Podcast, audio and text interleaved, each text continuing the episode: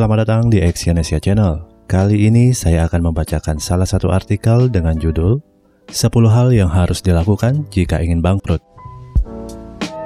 Semua orang ingin sukses dan menghindari bagaimanapun caranya untuk tidak mengalami kebangkrutan. Namun terkadang perbuatan yang dilakukan oleh seorang pengusaha malah mencerminkan sebaliknya, yaitu membawa diri mereka ke arah kebangkrutan. Nah, berikut adalah hal-hal yang harus dilakukan jika ingin mengalami kebangkrutan. Yang pertama adalah tidak jujur. Kejujuran mungkin akan lebih mahal jika dibandingkan dengan produk atau jasa apa pun yang kamu jual, karena tidak ada pengganti untuk sebuah kejujuran. Namun, jika ingin membuat produk atau jasamu laris manis, maka kamu tidak perlu menambahkan modal sepeser pun untuk usahamu kamu hanya perlu jujur tentang produk atau jasa yang kamu tawarkan pada calon konsumenmu. Tentunya, jujur saja tidak akan membuat usahamu laris. Produk yang baik dan bermanfaat akan banyak dicari oleh orang, dan tugasmu hanya perlu memberitahukan kepada calon konsumenmu tentang manfaat produk dan jasamu secara jujur. Selain itu, dengan menjadi jujur dan terbuka, kamu tidak akan perlu berpikir banyak atau membuat banyak alasan yang tentu saja akan melelahkan dirimu. Namun, kalau kamu ingin membuat usahamu bangkrut, cukup jual barang atau jasamu dengan kualitas rata-rata, lalu mengumbar janji-janji manismu. Yang kedua, marah-marah. Kemarahan adalah sifat manusia yang berguna untuk membuat seorang dijauhi atau dikucilkan dalam kehidupan sosial.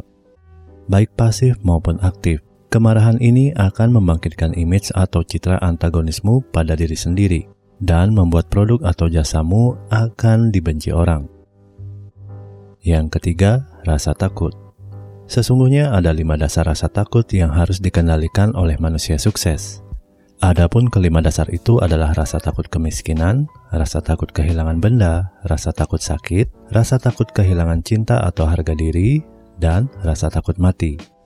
Sebetulnya masih ada rasa takut yang lainnya, namun kelima rasa takut tadi merupakan yang paling dasar Rasa takut merupakan kodrat dari manusia, namun yang membedakan antara yang sukses dan yang gagal adalah cara mengatasi rasa takut tersebut. Yang keempat, mencari kesalahan. Orang yang sibuk mencari kesalahan merupakan orang yang paling sibuk, namun merupakan orang yang paling kurang produktif.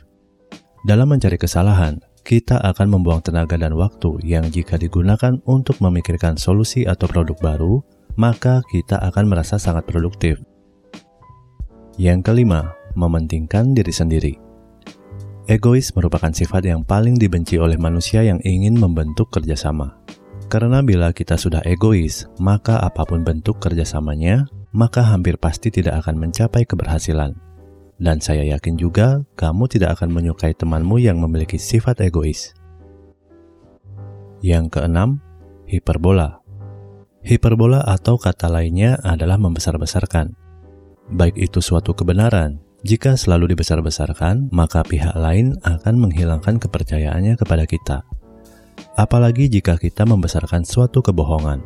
Lebih baik mengutarakan suatu kebenaran dengan cara yang biasa, namun orang-orang tahu dan merasakan bahwa apa yang kita sampaikan itu adalah kebenaran. Tidak perlu ngotot untuk menyampaikan suatu kebenaran, karena hanya ingin membuat dirimu sebagai pembawa berita kebenaran. Biarkan waktu yang menyadarkan orang-orang bahwa kamu menyampaikan hal yang benar, karena hal itu akan lebih diingat oleh orang banyak.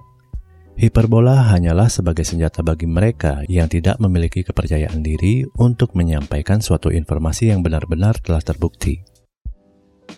Yang ketujuh, kepercayaan diri tak terkendali.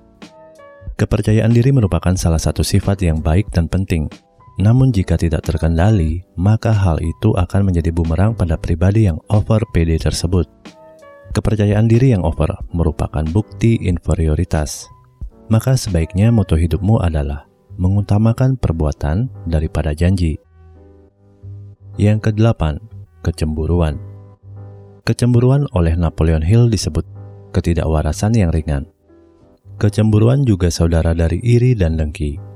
Hal ini akan berakibat fatal bagi kepribadian penjual. Iri, dengki, serta cemburu akan membuat kepribadian yang menyenangkan akan terlihat bohong alias palsu. Cemburu juga bisa berarti bahwa kita tidak siap untuk kalah. Atau bisa dikatakan kalau kita tidak memiliki keyakinan bahwa kitalah yang terbaik. Bukan berarti kalau tidak cemburu kita memiliki kepercayaan diri yang over. Di dalam usaha, kita harus iri pada usaha yang lain. Hal ini untuk membuat kita merasa terpacu untuk menjadi lebih baik daripada pesaing kita, bukan untuk berusaha menjatuhkan pesaing kita. Yang kesembilan, bergunjing. Bergunjing sangat disenangi oleh kaum Hawa dan juga kaum Adam. Jika kamu seorang penjual yang suka bergunjing, maka calon pembelimu akan senang mendengar cerita-ceritamu. Namun, mereka akan menolak jika disuruh membeli produk atau jasa darimu. Yang ke-10 adalah tamak. Ketamakan tidak dapat ditutupi. Sifat asli dari orang yang tamak akan terlihat dan akan selalu terlihat saat menyangkut keuntungan dan uang.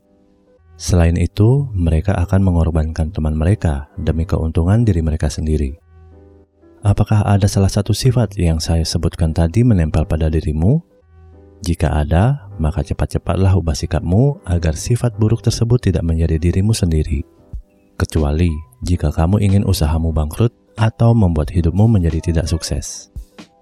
Terima kasih telah mendengarkan audio artikel ini. Semoga apa yang saya sampaikan di dalam audio artikel ini dapat bermanfaat bagi kehidupanmu. Selalu semangat dan salam sukses.